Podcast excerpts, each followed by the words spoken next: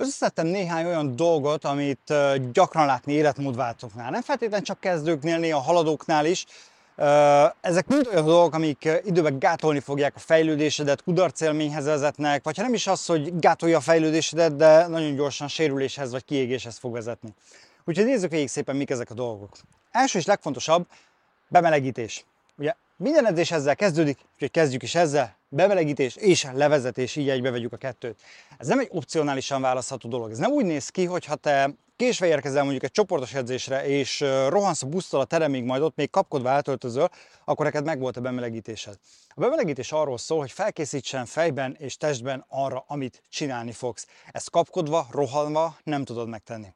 Ez épp ezért például egy bemelegítésben is, amikor mondjuk súlyzós edzés végzel, akkor vannak benne olyan gyakorlatok, amik benne lesznek az edzésedben is, hogy már így egy kicsit idegrendszeredet is trenírozza a dologra, hogy mi fog veled történni. Sokkal jobban fogod tudni megcsinálni a gyakorlatokat, sokkal kisebb lesz a sérülés veszélye, és sokkal hatékonyabb lesz az edzésed.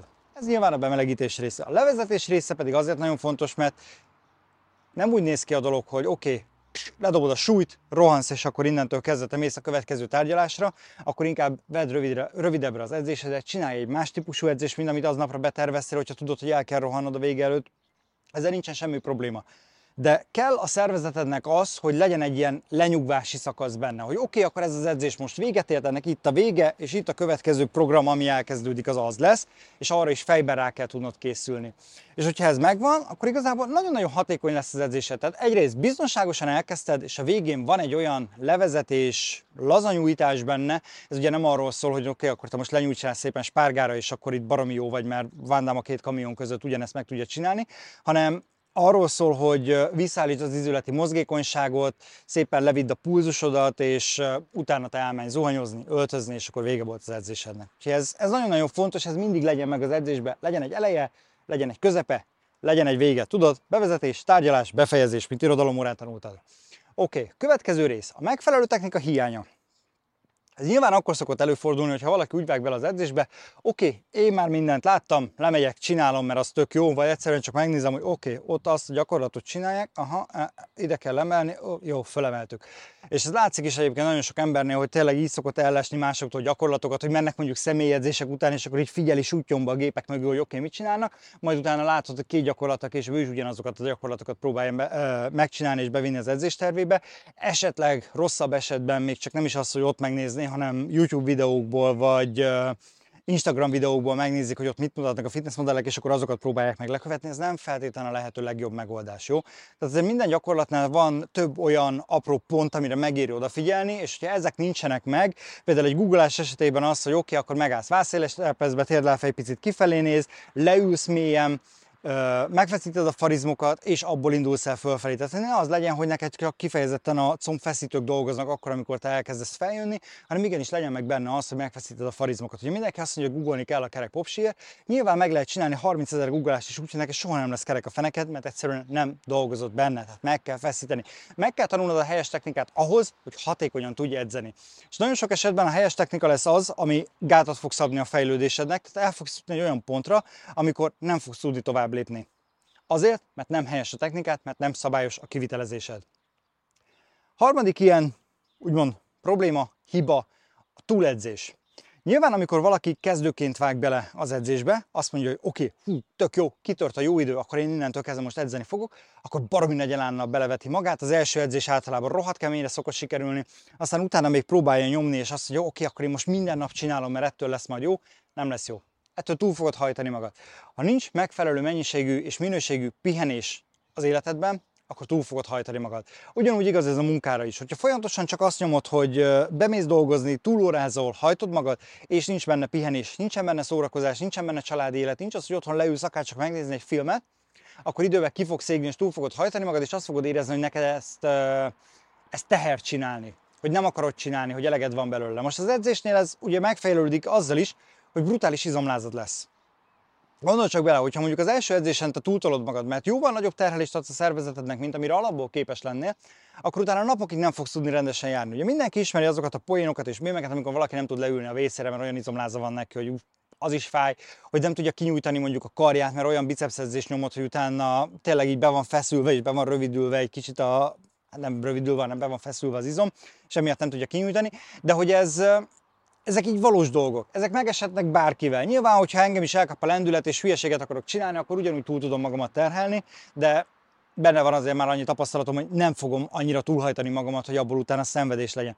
Ennek nincs értelme. Az izomláz úgymond nem része és kötelező eleme a fejlődésnek. Nagyon sok esetben programosok is szokták ezt írni, hogy figyelj, látom, hogy mennek le a centik, látom, hogy mennek le a kilók, de nincs izomlázam, és hogyha lehet, hogy valamit rosszul csinálok, de hogyha ezt most jobban csinálnám, vagy lenne izomlázam, akkor jobban fejlődnék. Nem, ennek nincsen köze hozzá. Az izomláz az az edzésen elvégzett munka után érzett uh, izommerevség. Igazából erre ez a jó szó, ez uh, angolban izommerevség néven fut, magyarban van valamiért izomláz uh, elnevezése. Ne kérdezz, hogy miért, de a lényeg az, hogy ez ténylegesen egy izommerevség. Van az a fajta izommerevség, amit akkor érzel, hogy ha oké, okay, lementél edzeni, jó volt az edzés, volt benne egy kis túlterhelés, tehát tényleg egy picivel többet csináltál annál, mint ami kényelmesebb lenne, de úgy semmi vészes. Tehát ez amikor úgy másnap olyan jó lesően érzed azt, hogy oké, átmozgattad magad. Erre másnap is lehet egy kicsit mozogni, csinálhatsz rá egy átmozgató edzést, egy kis bringázást lehet, vagy elmehetsz túrázni, vagy bármit, tehát ettől nem lesz bajod.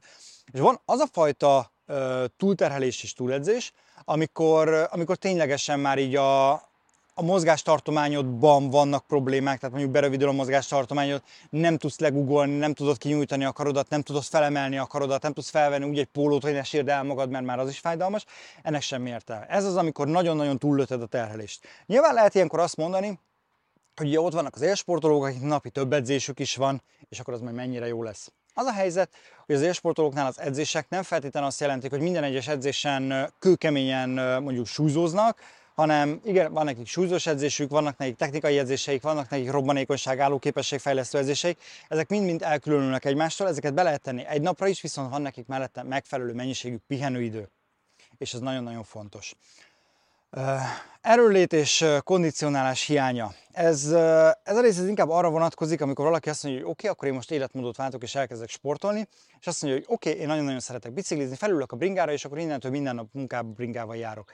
Nyilván tök jó, hogyha egy kicsit mozogsz és egy picit aktívabb vagy, de valljuk be őszintén, hogy azért itt túl kell lépni egy picit a komfortzónán, és valami olyat kell csinálni, ami a szervezetnek ha nem is nagyon durván, de legalább egy picit megterhelő. Jó? Tehát ki kell lépni abból, hogy valami kényelmes, és egy picit más dolgokat is kellene csinálni. Nyilván itt jön be a képbe az, hogy oké, okay, akkor állj neki egy picit erősíteni, állj neki egy kicsit állóképességet fejleszteni, mert ezek mind olyan dolgok, amikre szükséged lesz.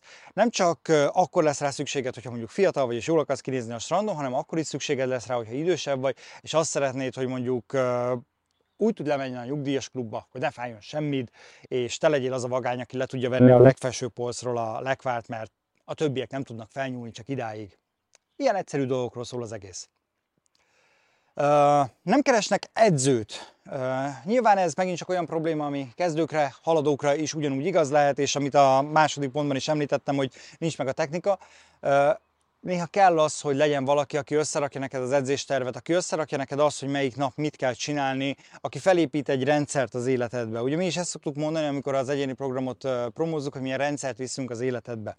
Az online edzésekben is, amikor összeállítom a programokat, vagy összeállítottam például a kezdőcsomaghoz egy 90 napos órarendet, akkor megmondtam azt, hogy melyik nap melyik edzést kell megcsinálni. Nyilván az edzéseket is összeállítottam, és tudtam azt, hogy melyik edzést miután érdemes mixelgetni, vagy már alapból úgy, úgy raktam össze őket, de ez egy nagyon-nagyon fontos része az egésznek, hogy nem csak a, ö, úgy állsz neki az edzésnek, hogy oké, okay, akkor én most lemegyek, és akkor ezeket csinálom, mert ezeket láttam, vagy ezt olvastam valahol, hogy ez jó lesz, és kérni a segítséget, jó?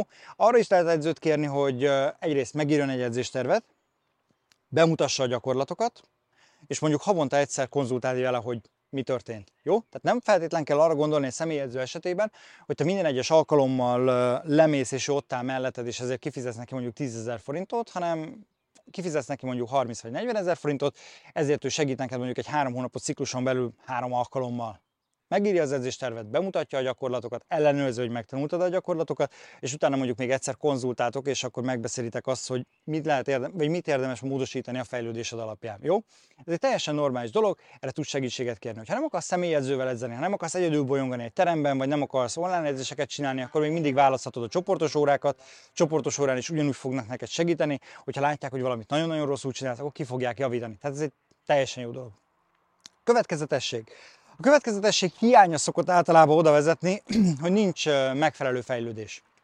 Gondolok itt arra, hogy tipikusan januári vagy nyári életmódváltók esetében szokott ez előfordulni, elkezdenek edzeni, tök jó, két napot csináljuk, egy napot nem, á, holnapra is van valami program, jó, holnap se, aztán utána három napot csináljuk, aztán négy napot nem, és akkor így össze-vissza változik a dolog.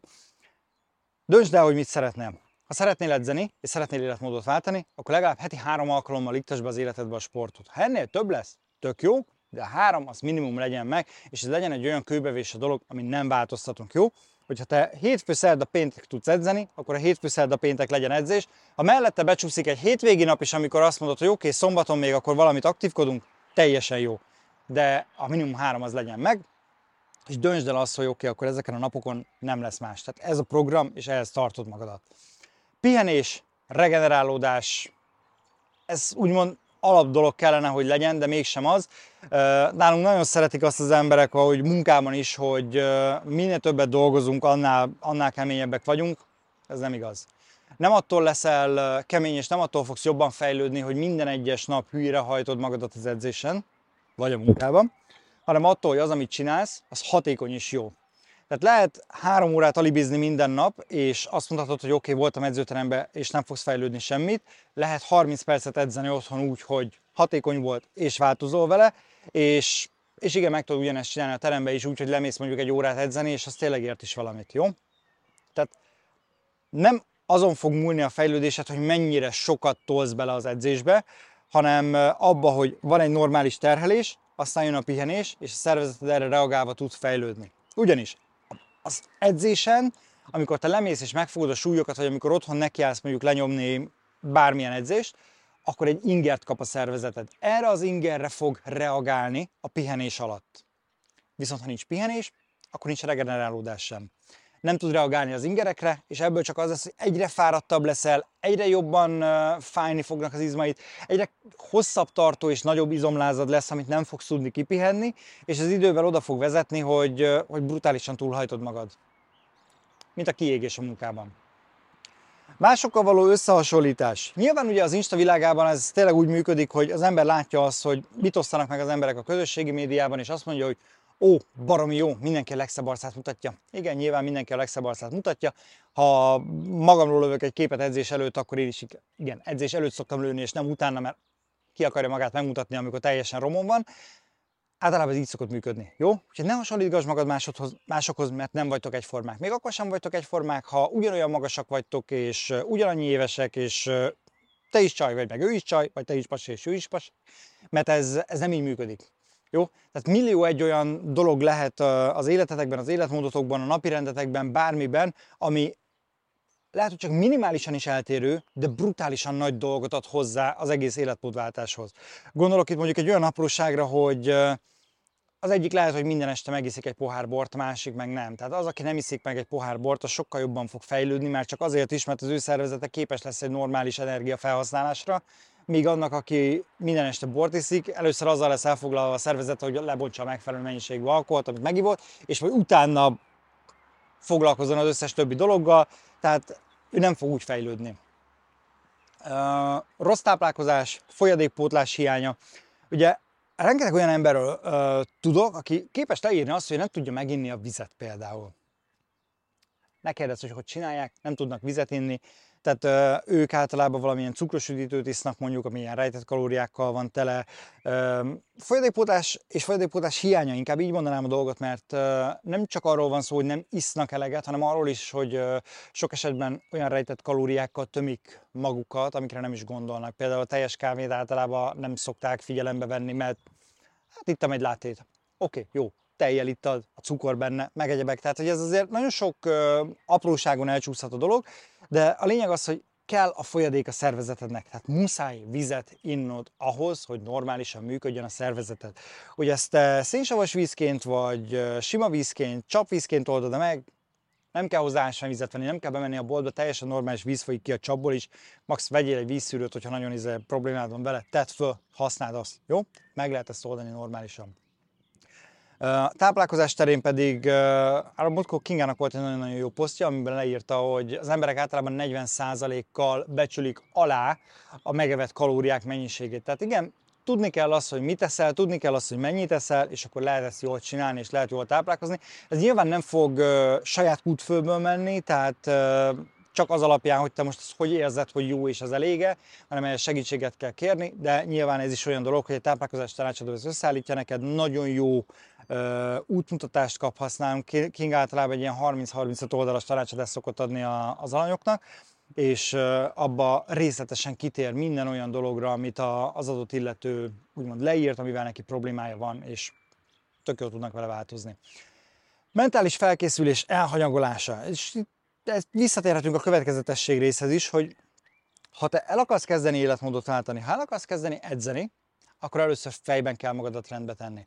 És itt gondolok arra, hogy el kell döntened azt, hogy mit szeretnél, hova szeretnél eljutni, milyen lépések alatt fogsz oda eljutni. Oké? Okay? Tehát, hogy nem lehet úgy kitalálni, hogy most itt tartok, és ide szeretnék eljutni, és akkor oké. Okay. Ha ez nem jön össze két hét alatt, akkor probléma van, mert a két héten belül neked rengeteg napod van, amiben teljesíteni tudsz kisebb feladatokat és részeredményeket, és haladni tudsz el előre. És lehet, hogy nem 10 kilót fogsz fogyni, hanem lehet, hogy csak mondjuk 5 kilót fogsz fogyni, nyilván nem két hét alatt, de mellett centikben tök sokat fogsz változni, izmosodni fogsz, látványosan átalakul a tested, sokkal jobb lesz a, az egészséged, jobb lesz a, a fitségi szinted, jobban leszel terhelhető, jobban fogsz aludni, tehát rengeteg olyan pici siker lehet benne, ami kurva nagy eredménynek tudható be, de te ugye csak azt nézed, hogy oké, okay, akkor te 10 kilót vagy 20 kilót szerettél volna fogyni ennyi idő alatt, és az nem jött össze, és akkor minden szar, és hagyjuk az egészet. Miközben egyébként rengeteg mindenbe változott az életmódod és az életviteled, és sokkal egészségesebb és sokkal fittebb lettél. Ha ezekre a dolgokra odafigyelsz, akkor igazából brutálisan jól és hatékonyan el tudsz kezdeni életmódot váltani, és nagyon szép eredményeket érhetsz el akár három hónap, hat hónap alatt is.